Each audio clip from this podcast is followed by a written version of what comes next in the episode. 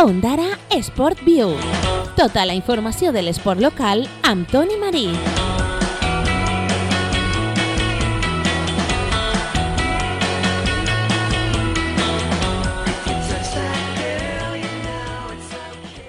Hola a totes i a tots, estàs en el programa Ondara Esport Viu, un espai dedicat a l'esport local que pots sintonitzar a ràdio La Veu d'Ondara en el 107.4 de la FM. En la primera part del programa parlarem sobre els resultats que s'han produït en els últims dies en diferents competicions i després tindrem una entrevista. Avui vindrà als estudis de ràdio La Veu d'Ondara l'ondarenc Tony Hill per a repassar la seva temporada en surf esquí. Però abans, com dic, parlem sobre els resultats dels últims dies. Comencem per futbol i ho fem pel grup 12 de la tercera regional on està la Unió Esportiva Ondarense. Ja s'han disputat dos jornades. La primera jornada es va disputar el diumenge 10 de setembre. L'Ondarense debutava a casa contra el Denia B amb derrota per 0 a 2. Este passat cap de setmana l'Ondarense visitava el camp del Beniarbeig amb victòria per als d'Ondara per 1 a 3. Després de les dues jornades disputades, l'Ondarense està situat classificat en el lloc 8 amb 3 punts. El líder és el Denia B amb 6 punts. Pel que fa a la Lliga de Futbol de Veterans, ja s'han disputat tres jornades. En eixa lliga hi ha un equip d'Ondara que és Ondara Veterans. En la primera jornada els d'Ondara van perdre 3 a 0 contra Bang Bang Burger. En la segona jornada els d'Ondara van empatar a 2 al camp del Javia Veteranos. I este passat cap de setmana l'Ondara Veterans va guanyar així a casa 3 a 1 contra Mi Pueblito. Després de les tres jornades disputades, Ondara Veterans està classificat en el lloc 11 amb 4 punts. També ha començat la Lliga de Cidma de Futbol Sala. En eixa lliga hi ha un equip d'Ondara que és Bodega Aguilar. En la primera jornada, Bodega Aguilar va perdre 0 a 2 contra l'Enceria Bàmbola Seguros Pedrós. Ja per últim, hem de dir que l'Escola Municipal de Bàsquet d'Ondara i el Club Bàsquet Ondara es presentarà el pròxim dissabte 30 de setembre a partir de les 7 de la vesprada al pavelló municipal d'Ondara a les 9 de la nit hi haurà un sopar organitzat pel mateix Club Bàsquet Ondara.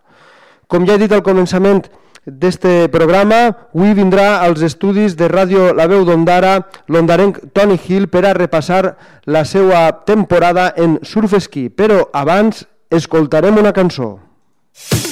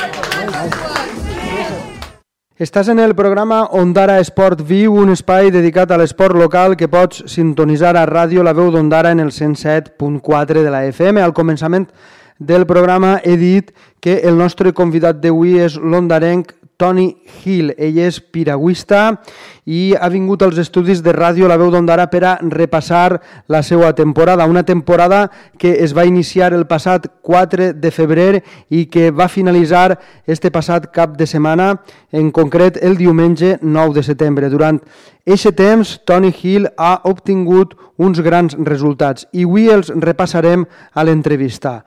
En primer lloc, saludem el nostre protagonista d'avui, Toni Hill.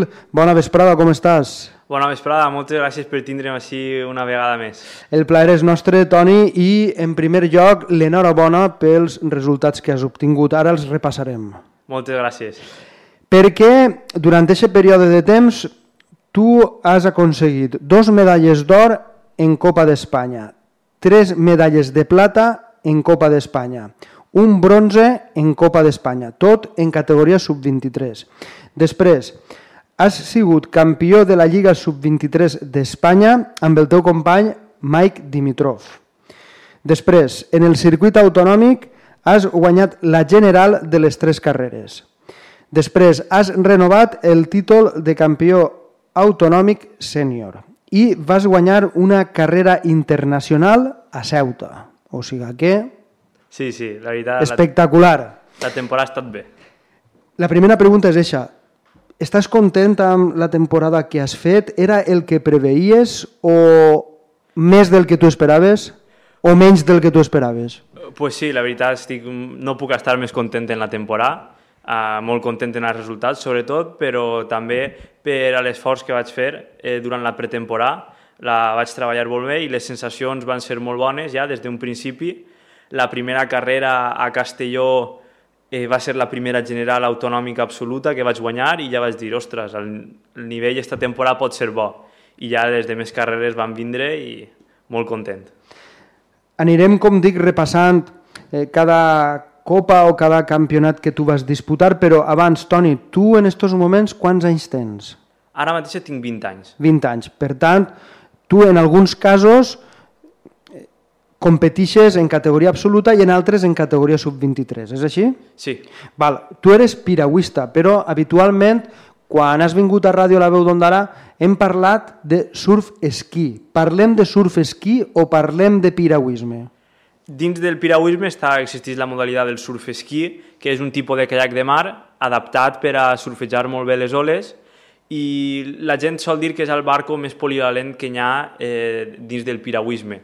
Pot navegar molt bé en aigües tranquil·les i quan el mar està merejat o hi ha oles pot ser que siga la piragua eh, més ràpida que hi ha. Per tant, tots aquests resultats que has obtingut han sigut en surf-esquí, és correcte? Sí. D'acord. I a quin club nàutic pertanys? Jo pertanc al Real Club Nàutic de Dènia. Fantàstic. I en aquestes competicions has competit pel Club Nàutic de Dènia o també per la selecció espanyola o la selecció valenciana? En, en totes les competicions ha competit per al Club Nàutic de Dènia uh -huh. i per al meu nou equip que m'ha fitxat esta temporada, eh, Nordic Kayaks. Toni, anem a començar per la Copa d'Espanya, perquè esta Copa d'Espanya es va desenvolupar en Eh, tres carreres, per dir-ho d'alguna forma, veritat? Sí. En aquestes tres carreres tu vas guanyar dos medalles d'or, tres medalles de plata i un bronze. Eh, dos medalles d'or en K2, en categoria sub-23, una plata individual en categoria sub-23 i dos plates en K2 sub-23 i després un bronze individual en sub-23. Explica'ns un poc com funciona això per a que la gent ho entenga? Sí, bueno, durant tot l'any hi ha tres copes d'Espanya i en després està el campionat. Este any la primera Copa d'Espanya es va córrer en Menorca, on vaig fer or en el K2 i, i, bronze en el, en el K1 individual. En després la segona Copa d'Espanya es va córrer en Tarragona, on van tornar a fer or, el meu company i jo en K2, i vaig aconseguir una plata en individual. En després, la tercera Copa d'Espanya es va córrer en Candàs, on vaig aconseguir la plata en K2 i a l'últim campionat d'Espanya, que es va fer a Ciendènia, i vaig aconseguir el subcampionat en K2. D'acord. Imagina que hi haurà molta diferència entre el K2 i quan competixes de forma individual. Què t'agrada més? Personalment m'agrada més competir en K1. Per què? Ho veig, és, no vull dir més estratègic perquè les carreres de K2 també porten molta estratègia i molta preparació, però al K1 sempre tenen, són, solen ser carreres més llargues, el K2 es corren 8 quilòmetres i al K1 solen ser 20, entre 15 i 20 quilòmetres. Mm, tens que estar molt preparat per al K1 i dins de lo que cap és on la gent, eh, on tota la gent vol guanyar. Uh -huh. En el K2 també, però sempre el K1 té un peliu més d'importància. Quin nivell et vas trobar en esta Copa d'Espanya? En l'edició d'enguany de la Copa d'Espanya? La veritat és que hi ha hagut molt de nivell. Des de la primera Copa d'Espanya el nivell va ser altíssim i no només això, sinó que durant la temporada la gent també va anar evolucionant i la gent, depèn de com ha preparat la temporada, podies acabar més fort o més fluix. Jo personalment vaig optar en començar molt fort i bones sensacions de cara al final, però sí que van, sí que van caure un poc els resultats. Fantàstic. De la Copa d'Espanya passem a la Lliga Sub-23 d'Espanya. Tu i el teu company Mike Dimitrov del Club Nàutic de Dènia s'heu proclamat campions eh, d'esta lliga. Imagine que la lliga són diferents carreres al llarg de la temporada, és així? Sí. En total, quantes carreres? Assumen les quatre carreres, les tres copes d'Espanya i, el campionat, i el campionat d'Espanya. Ah, val, d'acord. I Content? Sí. T'esperaves ser campió? La veritat és que sí, van a començar molt fort per anar assegurant la lliga, agarrar un avantatge de punts al principi i després mantindre-la i també molt contents de renovar el títol, ja que l'any passat ja ho van ser a altra volta. Uh -huh. I què ens dius de Mike Dimitrov, del teu company? Bueno, és, és el meu company d'entreno i sempre entrenem junts, un xaval molt, molt fort i encantat d'estar luchant en ell totes les carreres. Després, el circuit autonòmic. Tu has guanyat la general de les tres carreres. En K1 o en K2? En K1, en K1. En K1, de forma individual. Sí. Què ens pots dir sobre este circuit? Pues, la, és el circuit que més ha corregut. Des de que vaig començar la meva primera carrera en el 2016, per recordar, en la Villa Joyosa, eh, l'ha corregut tots els anys i estar ara guanyant les generals del circuit, eh, pues, estic, estic molt content i no tinc paraules per a descriure com... E, en este cas, en este circuit, vas competir en categoria sub-23 o en categoria absoluta? Absoluta, en categoria absoluta. En categoria absoluta. I este circuit autonòmic, de quantes carreres ha constat? Ha constat de de tres carreres, dos carreres i el campionat. Val. I aquestes carreres i el campionat on van ser? La primera carrera es va córrer en Castelló, uh -huh. la segona carrera es va córrer en Pobla Marina, prop de València, i el campionat autonòmic es va córrer en Dènia, al meu, al meu club. I en les tres carreres vas ser el primer? Sí, el, la primera embarcació en cruzar la línia de meta. L'enhorabona i després has renovat el títol de campió autonòmic sènior gràcies a aquests resultats en el circuit autonòmic. O sigui que l'any passat ja va ser campió autonòmic sènior i el fet de ser-ho i de tornar a competir et suposava a tu una pressió afegida? El fet de, de competir, d'intentar revalidar aquest títol, de no fallar, de no decebre a la gent, etc etc. Sí, bueno, suposa que també quan ja tens el títol de l'any passat eres el favorito per a renovar-lo i també suposa que la gent va un poc més a per tu, ja et tenen més marcat dins del grup. Però jo treballé bé, vaig a pressió, de fet m'agrada i s'ha vist durant tota la temporada, no ha fallat ninguna carrera de l'autonòmic, les tres primer de la general i el, campion i el campionat autonòmic el vaig guanyar en un minut d'avantatge. Uh -huh. I ja per últim vas guanyar una carrera internacional a Ceuta. Conta'ns en què consistia aquesta carrera. Sí, pues, van veure, es va veure un molt bon nivell a principi de temporada i esta carrera internacional organitzada en Ceuta em va contactar per a que anara convidat a córrer i pues, molt, bones, molt bones sensacions vaig tindre allí. Vaig, vaig aconseguir la victòria sub-23, així que no puc demanar més. Un puesto molt xulo per competir i bones condicions. Aprofitant que estàs així, Toni, m'agradaria que ens explicares si en totes aquestes competicions les carreres sempre han tingut la mateixa distància o no. El circuit autonòmic s'ha corregut en, en un circuit que es diu, que és anar i tornar a una boia, en una distància entre 12 i 15 quilòmetres, i després les Copes d'Espanya, les individuals de K1, que es corrin els dissabtes, sí que ha sigut eh, modalitat downwind o en ruta, que és eixim des d'un punt i acabem en un altre, a favor del vent, i aquestes solen ser entre 15 i 20 quilòmetres. En després, el doble ha sigut circuit de 8 quilòmetres, que era anar a una boia i tornar també. Què t'agrada més? Carrera llarga o curta? A mi se me dona millor i m'agrada més la carrera llarga. És on trac avantatges de veritat. A partir del quilòmetre 15-16 és on jo continuo funcionant i la gent ja es comença a, no respondre tant als ataques. Uh -huh. I pel que fa a la carrera que vas, que vas disputar a Ceuta, quants quilòmetres tenia? La carrera que vaig disputar a Ceuta tenia 18 quilòmetres. 18 quilòmetres. Esta distància sol ser la, la més llarga que sols fer a l'any o també participes en carreres que són més llargues? La distància més llarga sol ser 20 quilòmetres, 21 o 22. Ha corregut carreres de més. La carrera més llarga que he corregut va ser una en Lanzarote, que constava de tres etapes en un mateix dia, un total de 45 quilòmetres. Mare, acabaries amb els braços, no? Sí, sí, va ser...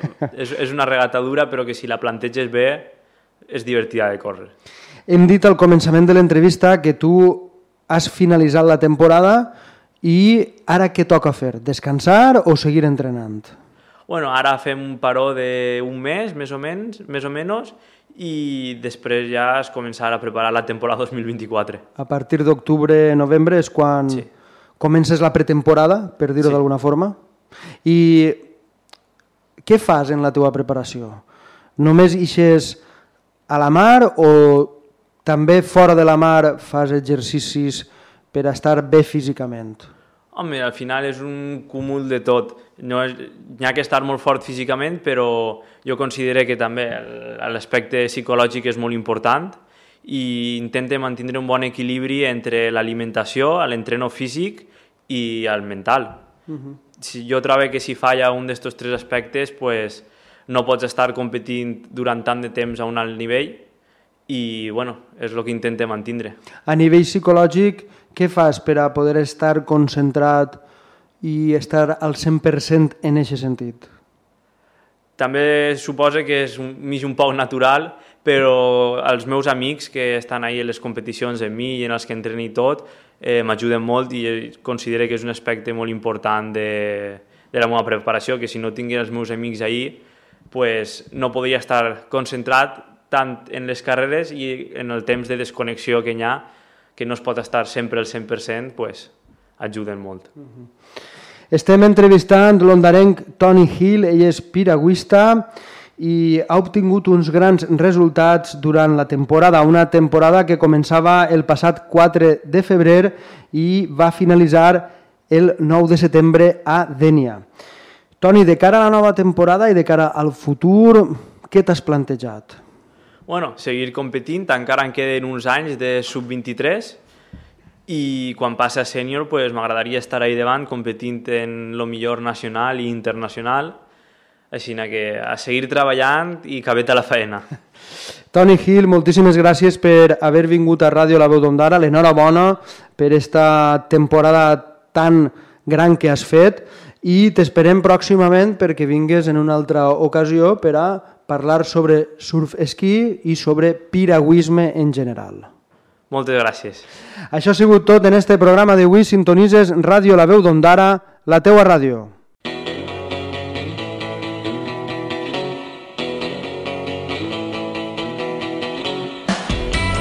Ondara Sport View. Tota la informació de l'esport local amb Toni Marí.